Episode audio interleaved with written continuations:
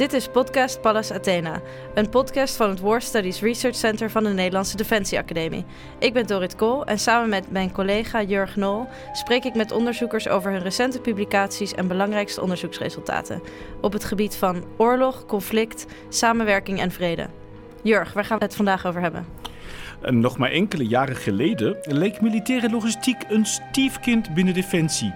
Iedereen wist dat het er was, maar echt warm liep men er niet voor. Waarschijnlijk ook omdat F-35's of tanks meer tot de verbeelding spreken. Sinds Afghanistan, een operatie op meer dan 8000 kilometer afstand en meer recent de Russische inval in Oekraïne, is dit beeld zeker veranderd. Althans, dat hoop ik zeer voor onze twee gasten van vandaag. Paul van Venema, hoogleraar militaire logistiek, en Ton van Kampen, luitenant-kolonel van de logistiek en via Zoom vandaag bij ons. Heren, van harte welkom en leuk dat jullie er zijn. Dank u wel. Bedankt. Um, ja, ik heb het al opgebracht een beetje, hè? Oekraïne. Um, wie herinnert zich niet uh, de beelden uit het voorjaar toen Russische voertuigen in de Oekraïne, in de Oekraïnse berm stonden, zonder brandstof en munitie? Merken jullie daadwerkelijk dat er door de Oekraïne-oorlog meer aandacht is voor militaire logistiek? Of is dit al langer zo? Ja, ik denk dat uh, de oorlog die aandacht wel uh, doet toenemen. Hè? De kolonne waar je het al over had voor Kiev. Uh, maar ook als we kijken naar ehm, ja, eigenlijk het uh, aanvallen van een logistiek knooppunt van de Russen op Oekraïns grondgebied in het oosten. Effecten van de aanval op de Krim, de brug. Um, dus ik denk dat, ja, dat mensen zich meer realiseren dat die logistiek en ook de aanvoerlijnen essentieel zijn. En wat houdt militaire logistiek dan precies in? De meeste mensen kennen het begrip logistiek wel. Dat is de, de, de, de, pakjes die dagelijks worden, worden afgeleverd uh, aan huis. Dat is de boodschappen die je doet in de winkels. Die, de winkels die bevoorraad moeten worden. Nou, dat maakt ook deel uit van militaire logistiek. Maar uh, militaire logistiek is een veel breder begrip. Naast de goederenstroombeheersing, bevoorrading en transport, hoort daar bijvoorbeeld ook de geneeskundige ondersteuning bij. Daar hoort ook onderhoud bij. Daar hoort bij de logistieke uh, infravoorziening uh, bij. Dus in de militaire context is dat begrip logistiek veel breder dan zeg maar, in, in de, wat civiel gebruikelijk is. Dankjewel, Ton. De eerste die jullie hoorden trouwens, dat was Paul. En de tweede nu die de uitleg gaf over wat militaire logistiek is, dat was Ton. We zullen dit regelmatig eventjes herhalen, omdat we vandaag twee gasten hebben. En dan is het even iets duidelijker. Ton. Misschien dat ik toch nog even iets mag toevoegen op het antwoord van Paul. En dat is het volgende. Logistiek kun je eigenlijk zien als een beetje iets wat altijd op de achtergrond speelt. En, en dat is misschien ook wel um, waardoor logistiek altijd ogenschijnlijk wat minder aandacht krijgt dan, uh, dan het eigenlijk verdient. En eigenlijk zie je pas als het misgaat. Kijk nou in Oekraïne.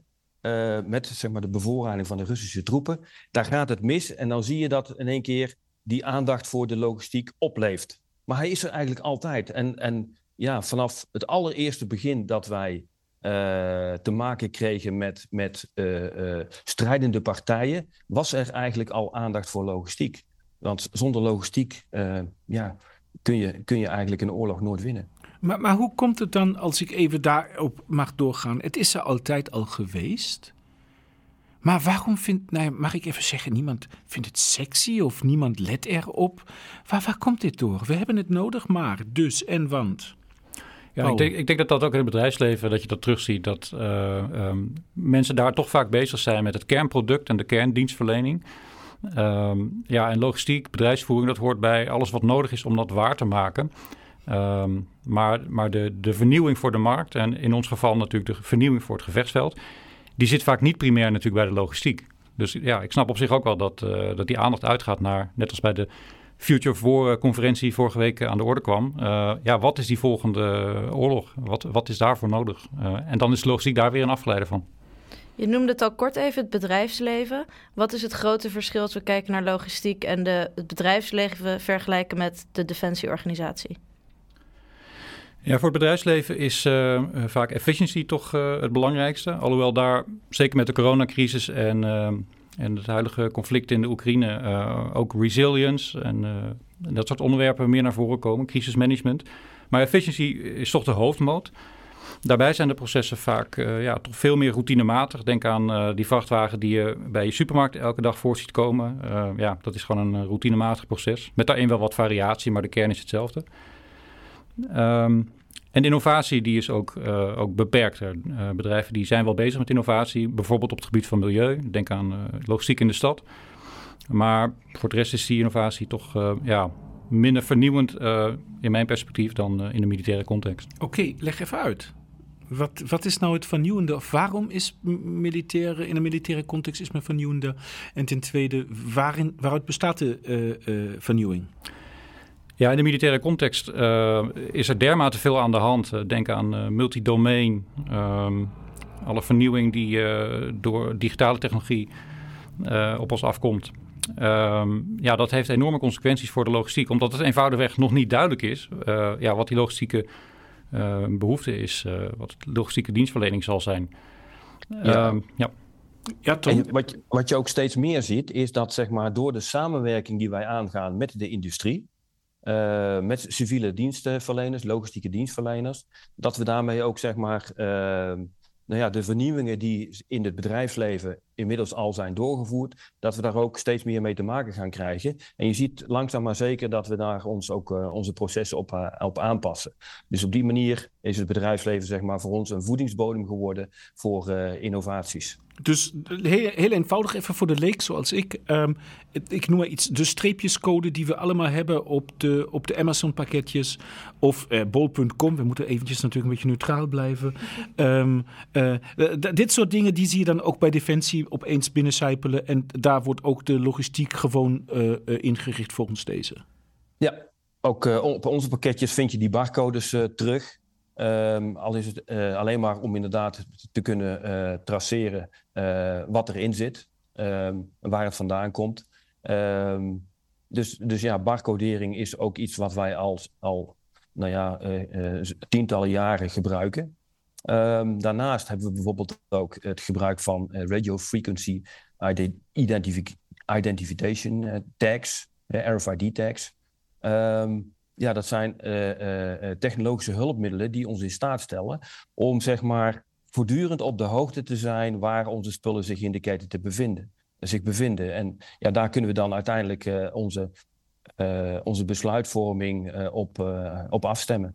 Daar komen we straks zeker uitgebreid nog op terug. Ja, jullie, korte vraag eerst nog. Jullie zitten allebei natuurlijk veel in onderzoek.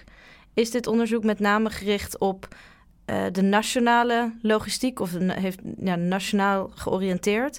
Of bestaan er ook internationaal vergelijkende studies? Ja, ons eigen onderzoek uh, naar bijvoorbeeld urban logistics, daar komen we nog over te spreken. Uh, dat is eigenlijk uh, ja, in zekere zin locatie onafhankelijk. Ehm, als we het breder trekken naar onderzoek over de militaire logistiek, dan is dat eigenlijk ook echt een niche onderwerp.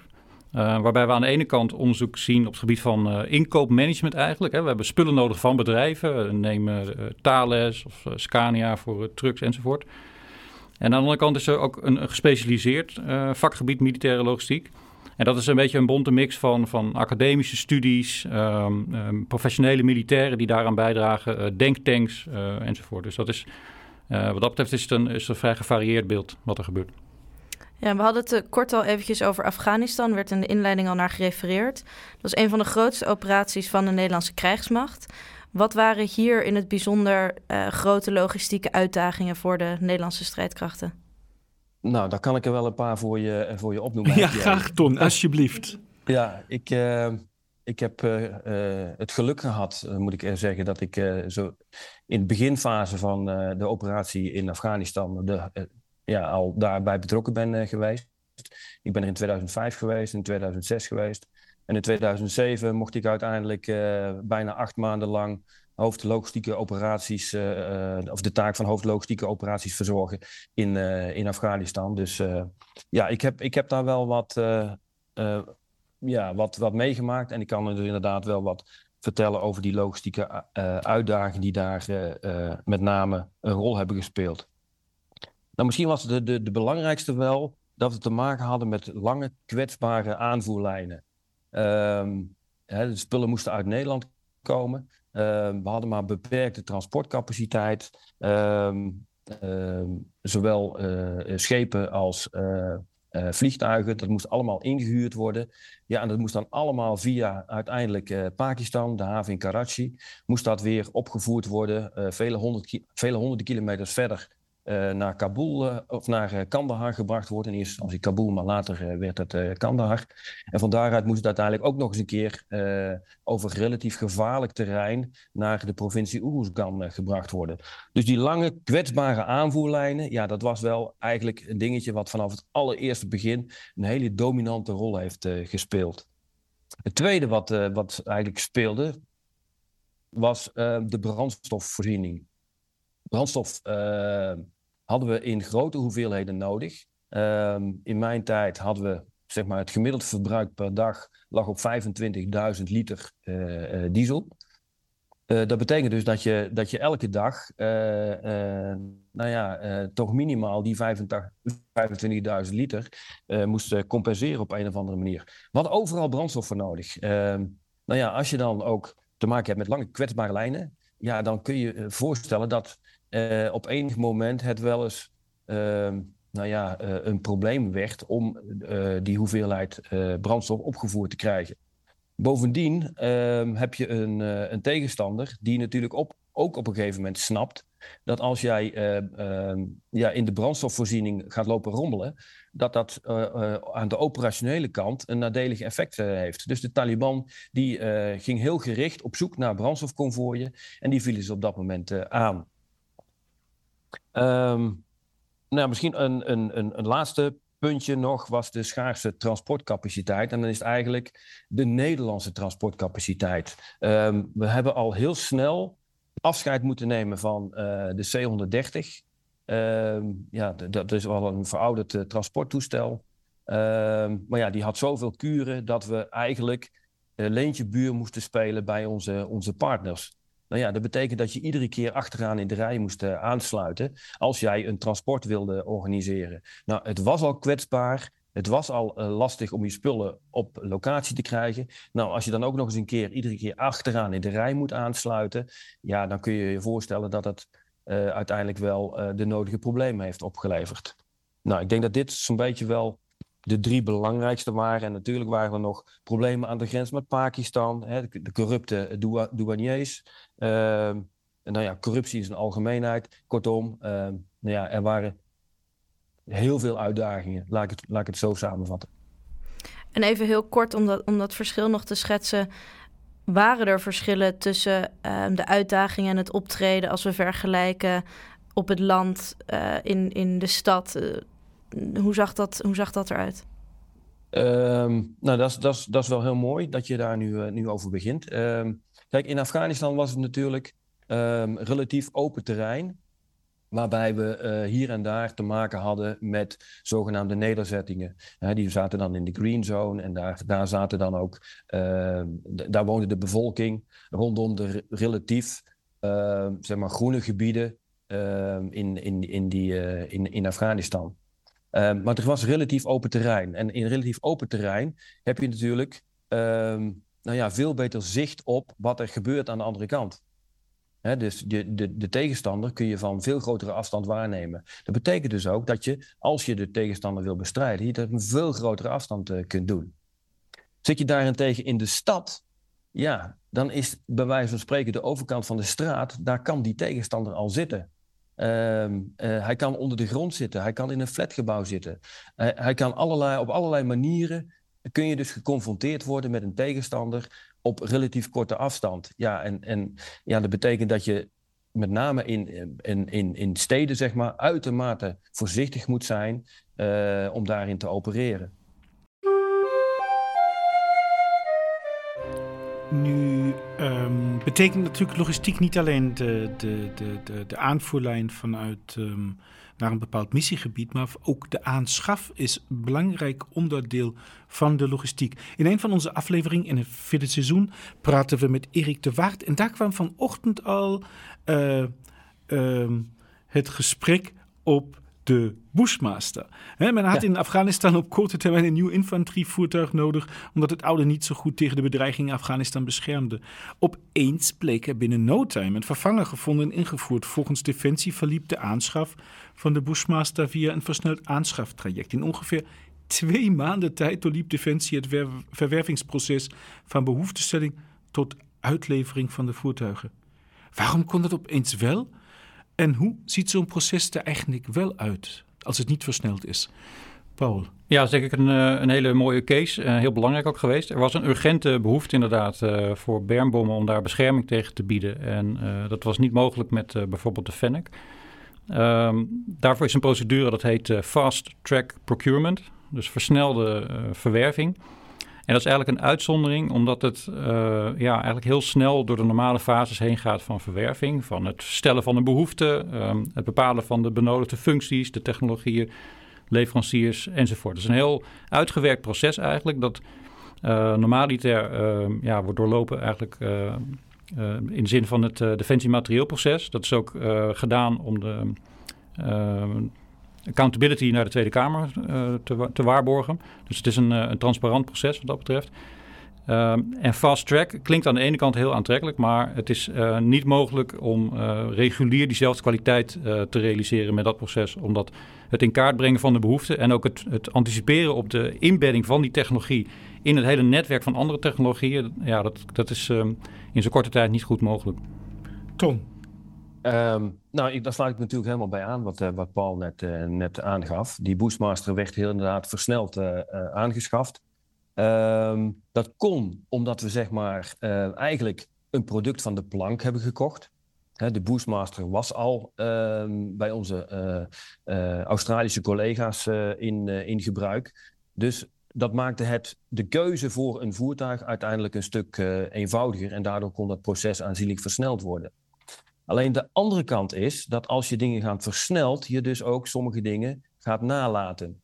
Um, een van de dingen is dat je normaal gesproken in een verwervingstraject ervoor zorgt dat zeg maar, alles rondom dat materieel ook um, goed geregeld is. Dan heb ik het bijvoorbeeld over de monteursopleidingen. Dan heb ik het over de reservedelen. Dan heb ik het over de documentatie. Dan heb ik het over, ja, noem het allemaal maar op.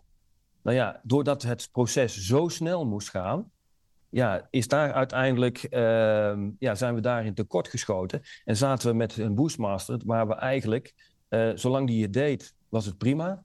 Maar op het moment dat hij defect raakte, ja, dan zat het toch eigenlijk wel met onze handen in het haar. Want we hadden gewoon simpelweg niet de kennis en de kunde om het uh, voertuig in bedrijf te houden. Dus ja, fast track procurement, geweldig, prima. Maar er zitten ook wel wat, wat negatieve kanten aan uh, fast track procurement. Dus eigenlijk is logistiek ook heel nauw verbonden met bredere verandering in de organisatie. Zijn, ontstaan er ook spanningen? Hebben jullie daar in je onderzoek ook naar gekeken? Paul, misschien kan jij deze nemen? Nou, kijk, logistiek, uh, als je het hebt over de technologie zelf, uh, dan is het een enorme uitdaging om, om de onderhoudsorganisatie in te richten, de onderhoudsorganisatie uh, of de, de gebruikersorganisatie ehm, mee te nemen. Denk aan de, de F-35, dat zijn echt megaprojecten die jarenlang duren. Ehm, het punt is daarbij dat Defensie natuurlijk heel veel technologieën gebruikt eh, over de verschillende operationele commando's heen. Dus dat betekent dat ja, die organisatie enorm uitgerekt kan worden om voor al die technologieën um, uh, zich in te richten, uh, de contacten te onderhouden met het bedrijfsleven. Uh, en daarnaast natuurlijk de, de, logistieke processen zelf op orde te, te houden, naast die technologie. Ja, ja, misschien nog een kleine aanvulling. We hebben natuurlijk binnen de logistiek werken we met een, een geautomatiseerd systeem, hè, het, SAP-systeem. zodra je dus technologieën gaat veranderen, materieel gaat veranderen, betekent dus eigenlijk dat je je, je systemen moet schonen. Ehm, hè, als het gaat over reservedelen, als het gaat gereedschappen, als materieel wat uit de organisatie moet verdwijnen. Ja, als je dat dus niet zorgvuldig doet, ja, dan heb je uiteindelijk een, een ja, krijg, heb je geen goed beeld meer van de spullen die je in je organisatie hebt. En dat, ja, die vervuiling, dat, dat, dat is uh, uh, enorm vervelend. Op het moment dat je daar zeg maar, uh, nou ja, iets mee moet gaan doen. ja, als je, als je daar zeggenschap over moet gaan afleggen. Wat hebben we nu eigenlijk en waarom hebben we nu nog steeds onderdelen van de M113 die we al jaren niet meer in de bewapening hebben en dat soort, dat soort zaken. dus ja, ver vervuiling tegengaan is, is een hele belangrijke en moet heel zorgvuldig gebeuren als je nieuw materiaal laat instromen. Dit lijkt me ook meteen aansluitend twee belangrijke vragen eigenlijk van Hebben jullie zicht op hoeveel vervuiling we eigenlijk in Afghanistan hadden? En de tweede grote vraag is natuurlijk van, ik herinner me nog redelijk goed dat 2010 ehm, opeens was het afgelopen en we zaten daar met pak een beet 1500 containers, you name it. Dus um, hoe, hoe, hoe liep dit? Dus vervuiling en ja. Hoe, hoe, hoe, krijgen we eigenlijk en, alles, alles daar weer terug of juist niet daar terug?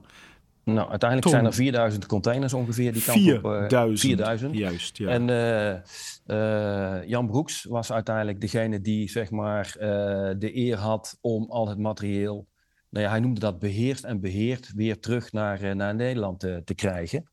Um, maar even terug naar, naar het begin. En, en, daar waar het uiteindelijk zeg maar een klein beetje, nou ja, nou ja waar daar, vanaf het begin is het eigenlijk misgelopen in het beheerst en beheerd spullen inbrengen in het theater. Uh, normaal gesproken is daar een deployment taskforce, uh, wordt daarvoor ingericht.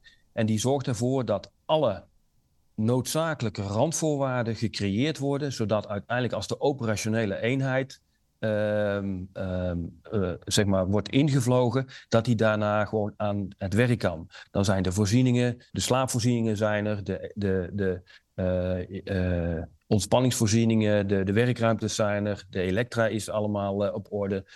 Ja, you name it.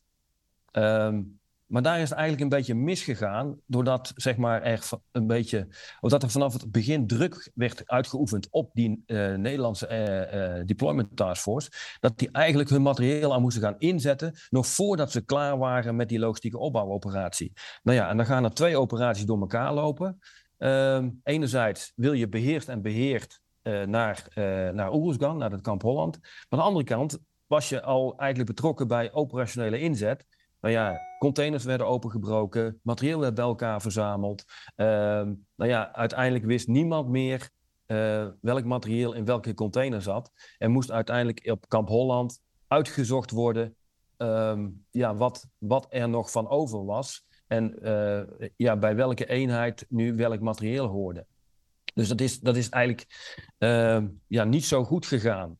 En ja, die nasleep van die, van die, ja, zeg maar die, die uh, niet goed organiseren van je deployment, ja, die heeft zich ja, eigenlijk tot op het, allerlaatste moment, op het moment dat we dus teruggingen, heeft dat, uh, heeft dat uh, zijn naweeën gehad. Want ook op het moment dat, dat we in 2010 teruggingen, uh, waren we eigenlijk nog steeds bezig met het inventariseren van welk materieel eigenlijk nu in Afghanistan aanwezig was.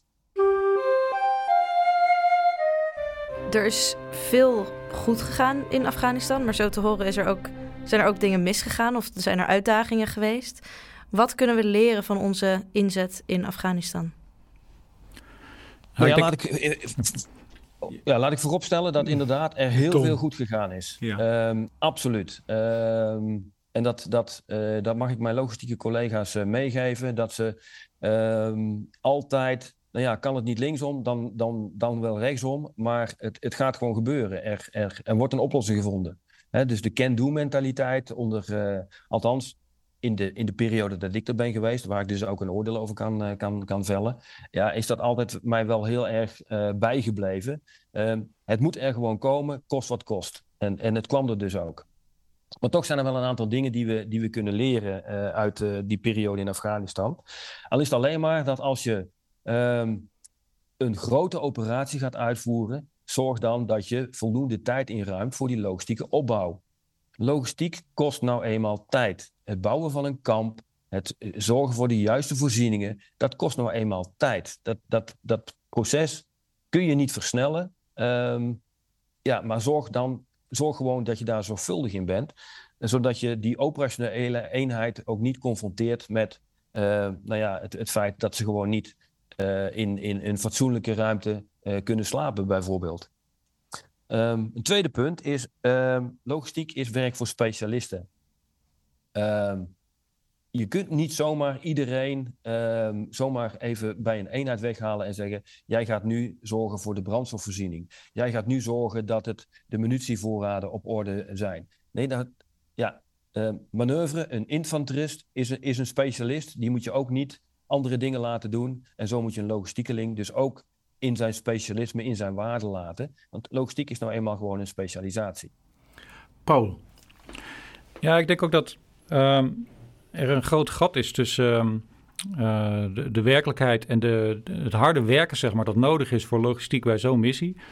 En aan de andere kant een soort van uh, ja, visie die, die er natuurlijk al ontwikkeld is rondom um, logistieke netwerken, structurele samenwerking tussen militaire partijen, maar ook met het uh, bedrijfsleven. denk ook aan ecosysteemlogistiek, waar dat, dat, dat is eigenlijk een poging, ecosysteemlogistiek, om um, de brug te slaan naar die werkelijkheid, waarbij we dus veel meer toe willen naar een, uh, ja, een adaptief netwerk eigenlijk. Uh, dat in staat is om, um, om die prestaties te leveren die zo onvoorspelbaar kunnen zijn qua tijd, plaats en type operaties. We kijken in deze podcast natuurlijk niet alleen naar het verleden en wat we daarvan kunnen leren, maar ook de huidige context en de toekomst, wat we daarmee kunnen. Dus laten we nog heel even teruggaan naar uh, het conflict in Oekraïne. Wat denken jullie, of Paul, misschien kan jij deze beginnen? Um, wat zijn een aantal van de grote takeaways van dat conflict die wij als Nederlandse krijgsmacht of als defensieorganisatie mee kunnen nemen op gebied van logistiek? Ja, wij zijn natuurlijk een soort van op de achtergrond een speler die uh, als het ware tot het theater, maar niet in het theater, uh, activiteiten onderneemt. Uh, je ziet daar het enorme belang van uh, voortzettingsvermogen. En dus het op gang houden van, van de ketens. En daarmee zelfs ook met de industrie in, in, in elk geval West-Europa en Noord-Amerika. We zien in feite in het theater dat, ja, dat noemen we tegenwoordig contested logistics. Dus dat eigenlijk logistieke lijnen niet veilig zijn. Dus er kan op elk moment kunnen er knooppunten of kunnen er logistieke transporten worden uitgeschakeld. Um, dus dat betekent ook dat um, in mijn beleving um, de samenhang tussen de militaire operationele wereld en de logistieke wereld, uh, ja, dat dat dichter bij elkaar moet. Ja, nou ja, ik moest bij deze vraag eigenlijk gelijk denken aan een, een hele bekende one-liner. En dat is Logistics wins wars. En dat, dat is niet zozeer dat je, dat je de logistiekelingen uh, uh, voorop moet, moet gaan in, in het gevecht. dat zeker niet. Maar nou ja, wil je uiteindelijk een oorlog kunnen, met succes kunnen beëindigen, um, dan heb je gewoon daarvoor logistiek nodig. Hè? Uh, en dat noemen we dan het voortzettingsvermogen, sustainability. De, een andere bekende one-liner is, je kunt zonder logistiek wel de slag winnen, maar je wint nooit de oorlog. dus nou ja, als je in een, een dergelijk conflict wordt, uh, uh, dat je, als je daaraan moet deelnemen, zul je dus heel goed moeten nadenken over uh, het voortzettingsvermogen. Hoe lang denken wij dat we dit nog kunnen, kunnen volhouden? Ja, voordat nou ja, eigenlijk logistiek gezien het onhaalbaar wordt om nog langer aan, de, aan zo'n operatie deel te, deel te kunnen blijven nemen. Nou ja, daar, uh, ik heb ook een paar one-liners. Die wil ik toch even graag erin gooien. Uh, lean is mean and just in time. Dat zijn natuurlijk een beetje ook van die kreten die we de afgelopen 30 jaren... Uh, ja. ook in het kader van bezuinigingen hebben gehoord. Maar um, um, hoor ik hier nu een pleit ook voor juist redundanties... juist voor extra opslagcapaciteiten? Paul, ik zie je knikken. Ja, klopt. Dus uh, als we kijken naar uh, militaire logistieke ketens, dan uh, aan het begin daarvan, dan zijn dat soort kreten in principe prima. Hè? Dus Toyota productiesysteem, lean, net op tijd en niet te veel. waste is zeg maar de grootste vijand. Maar als we kijken naar het, het theater zelf, waar het conflict gaande is, dan is effectiviteit ja, met stip op nummer één. Omdat je anders, wat Ton ook al aangeeft, ja, dan win je het gewoon niet. Dan, dan houdt het op een gegeven moment echt op. Um, en het interessante is dat die twee werelden, die, die moet je aan elkaar weten te verbinden. We hebben het nu gehad over heel wat uitdagingen die er spelen. Wat zijn voor Nederland specifiek in de komende zeg vijf of tien jaar de grootste uitdagingen waar jullie in ieder geval van wakker liggen? Ton? Um, uh, wakker, wakker, liggen is denk ik een, een groot woord. um, Nou ja, we hebben het al, al gedurende enkele jaren over het feit dat het, het gat tussen zeg maar, combat, combat support en combat service support eenheden, dat dat gat te groot is geworden. We kijken wel zeg maar, naar onze manoeuvre-elementen. We investeren in uh, nieuwe tanks. Uh, nou ja, uh, 97's uh, dan. Er komen nieuwe F-35's. Um, alleen die andere gebieden, um, hè, op het gebied van inlichtingen, op het gebied van genieondersteuning, um, uh, maar ook met name op de logistiek. Ja, dat blijft allemaal een beetje achter. En, en ik denk dat we daar uh, eens heel goed naar moeten kijken. Dat we daar waar het dus echt spannend wordt, ehm, hè, dus onder, onder moeilijke omstandigheden, dat, uh, ja, en met moeilijk woord is dat dan die combat service support, die gevechtslogistiek, uh, dat die wel aansluiting houdt bij datgene wat de manoeuvre vraagt. En dat gat is op dit moment eigenlijk een beetje te groot geworden. Hoe, hoe komt het dat het gat zo groot is? Ja, Paul? Je wilde nog iets toevoegen? Ja, ik wil nog iets toevoegen dat um, het is zeg maar in het theater is inderdaad uh, dat gat iets om, om naar te kijken. Maar daarnaast zien we ook dat de technologie zelf steeds uh, complexer wordt. Hè. De digitalisering van producten, van wapensystemen, die neemt enorm toe. Iemand van de Defensie Materieelorganisatie die had het bijvoorbeeld over de NA90 als een set computersystemen die je koopt, waarbij de fysieke kant eigenlijk maar een bijzaak is in zekere zin. Um, en dat betekent dus dat je als defensieorganisatie echt high-tech digitale producten in gebruik neemt, um, waarbij je afstemming moet uh, blijven houden uh, met het bedrijfsleven. En aan de andere kant inderdaad zorgen dat richting de operationele mensen, uh, ja, dat mensen met die technologie overweg kunnen en dat het blijft functioneren. En nou ja, um, waarom, ja. waarom, is het gat, waarom is het gat ja, zo groot precies. geworden? Um, als we gaan kijken naar zeg maar, de inzet van Nederlandse eenheden, nou ja, laten we even vanaf de Afghanistan-periode tot nu, dan zien we eigenlijk dat een beetje dat het vanuit de compounds is uh, uh, gebeurd. Um, uh, met andere woorden, ja, dat, dat, dat vraagt een hele. Uh, een, een, dat, dat kan een statische vorm van logistiek ehm, ehm, met zich meebrengen. En daar hebben we op ons geconcentreerd. Maar daar waar we eigenlijk voor, voor zijn, hè, die, of voor zijn, een van de hoofdtaken is natuurlijk nog steeds de verdediging van, het, van ons grondgebied en het NATO-grondgebied. Ja, die taak is eigenlijk steeds verder naar de achtergrond verdwenen. En, en ja, daarom denk ik ook dat het heel verstandig is van uh, de huidige commandant landstrijdkrachten, dat hij heeft gezegd van luister, uh, we moeten terug naar uh, de basics. En de basics is dat we ons weer gewoon moeten richten op de aanval, de verdediging, de vertraging, op dat soort gevechten. En waarbij dan zowel ook de gevechtssteun als, als de logistiek geïntegreerd worden um, in, in de oefeningen. In plaats van dat ze eigenlijk altijd een beetje, nou ja, daaromheen opereerden. Dus, dus uh, veel meer samen uh, en veel meer gericht op dat uh, hoog conflict, hoog geweldsinzet. Ik denk dat het een terechte, ja, een terechte constatering is van, van de commandant landstrijdkrachten om daar met name in, nu zeg maar, meer op te gaan focussen. Er is heel wat kennis, dat blijkt ook uit jullie, nou ja, alles wat jullie hier nu vertellen. Is het mogelijk om deze kennis en inzicht ook daadwerkelijk in de praktijk toe te passen? Is er een draagvlak voor deze nieuwe ideeën of, of ja, lessen die we moeten leren op gebied van logistiek? Paul? Ja, dat gaat vaak uh, in eerste plaats via studenten natuurlijk. Um, die, uh, ja, die wij als het ware meenemen in, in, in alle vernieuwingen die, uh, die we zien. op het gebied van ook het snijvlak van logistiek en digitalisering. Um, dat gaat via onze ja, contactpunten binnen Defensie op allerlei plekken. Waar we met mensen in gesprek zijn. Uh, maar we werken ook veel met universiteiten om als het ware ja, een soort van rotonde rol zeg maar, vorm te geven. En nieuwe concepten uit het bedrijfsleven ja, te introduceren in een defensieomgeving. Ehm, ja, dat is ook soms uitdagend, omdat ehm, de logistiek is ook erg gebaat bij, uh, wat, wat Tom al zei, beheerst en beheert logistieke processen te verzorgen. Dus dat, dat is meer gericht op standaardisatie en niet per se op innovatie.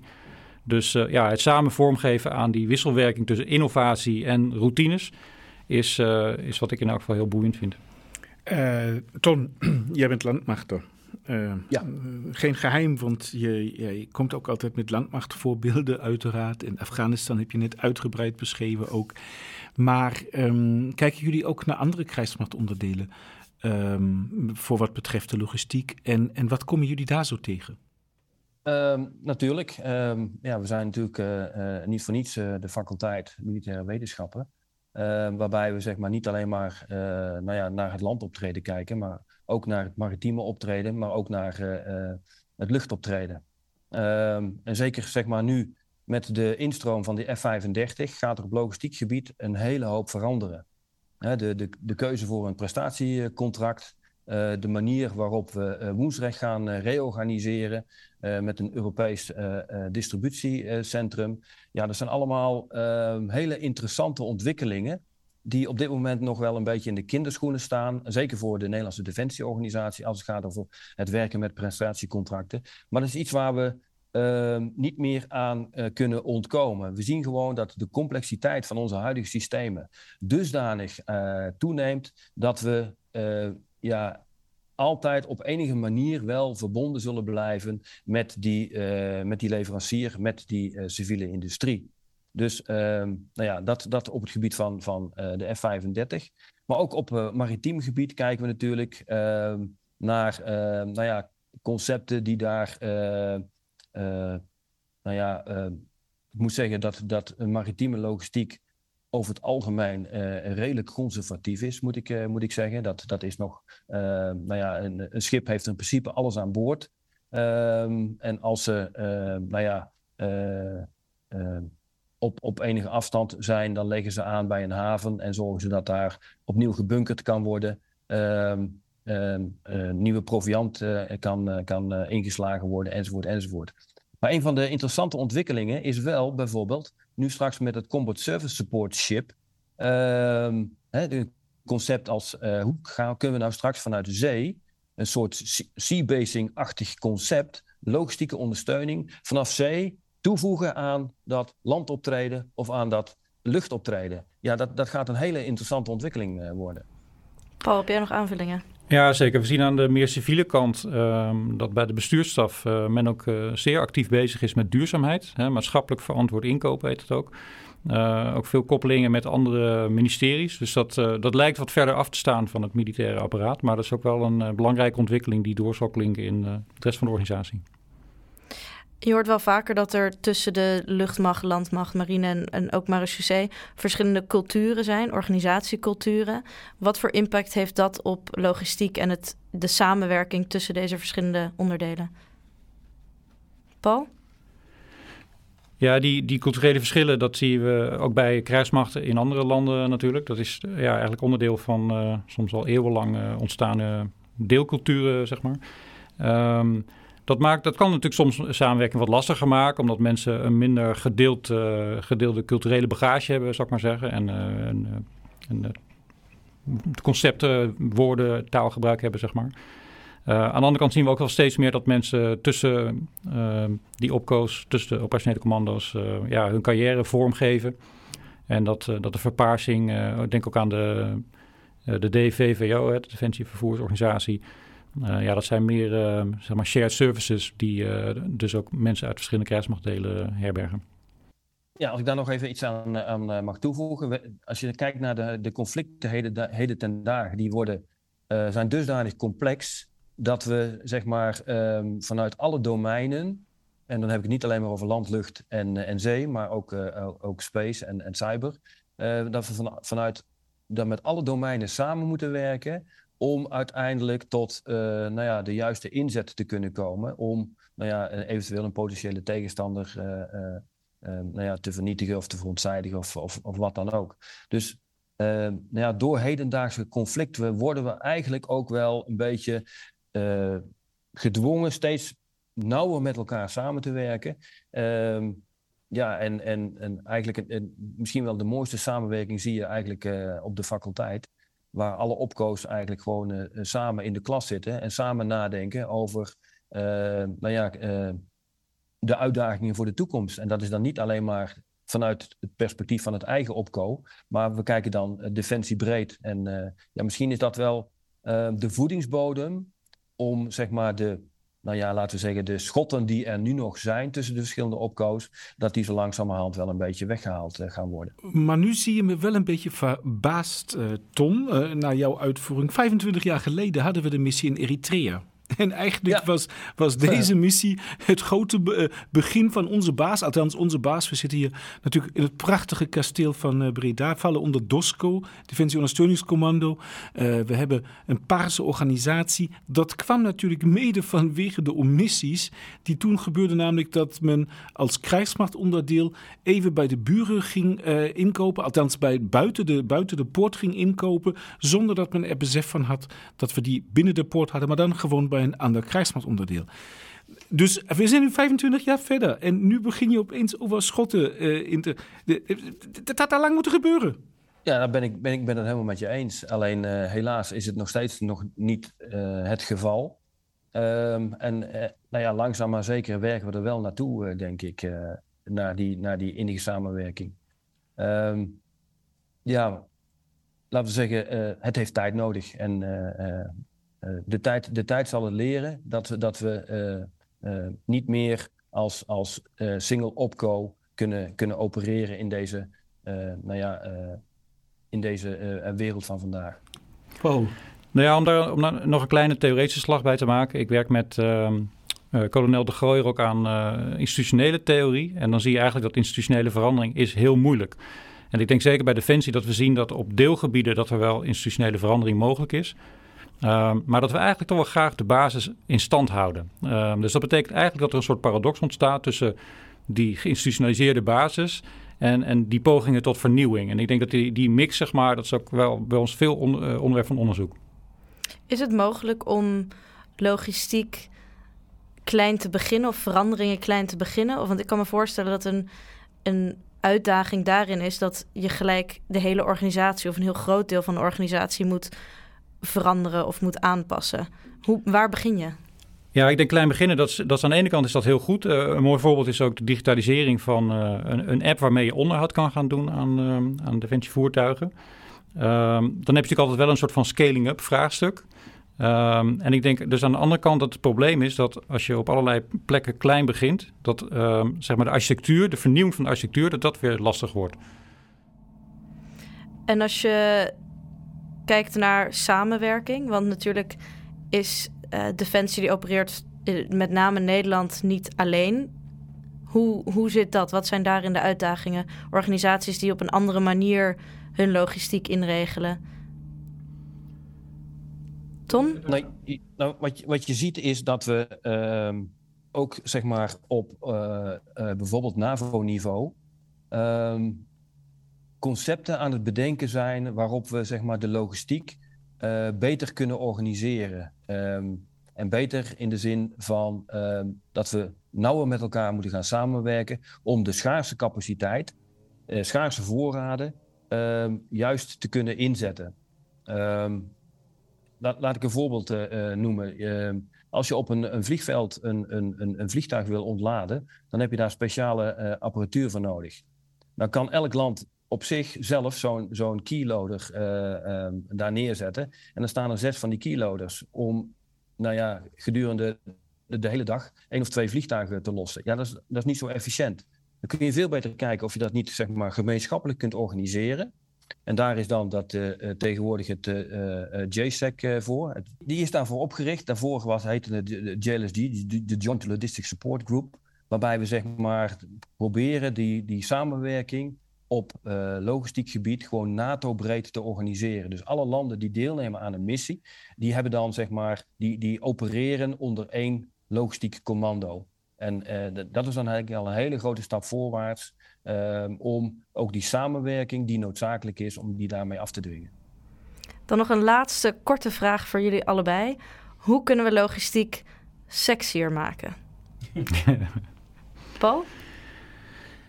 Nou, we zien natuurlijk in, uh, in de maatschappij uh, ontwikkelingen rondom bijvoorbeeld de metaverse, uh, digital twins. en dat ziet natuurlijk allemaal heel erg spannend uit.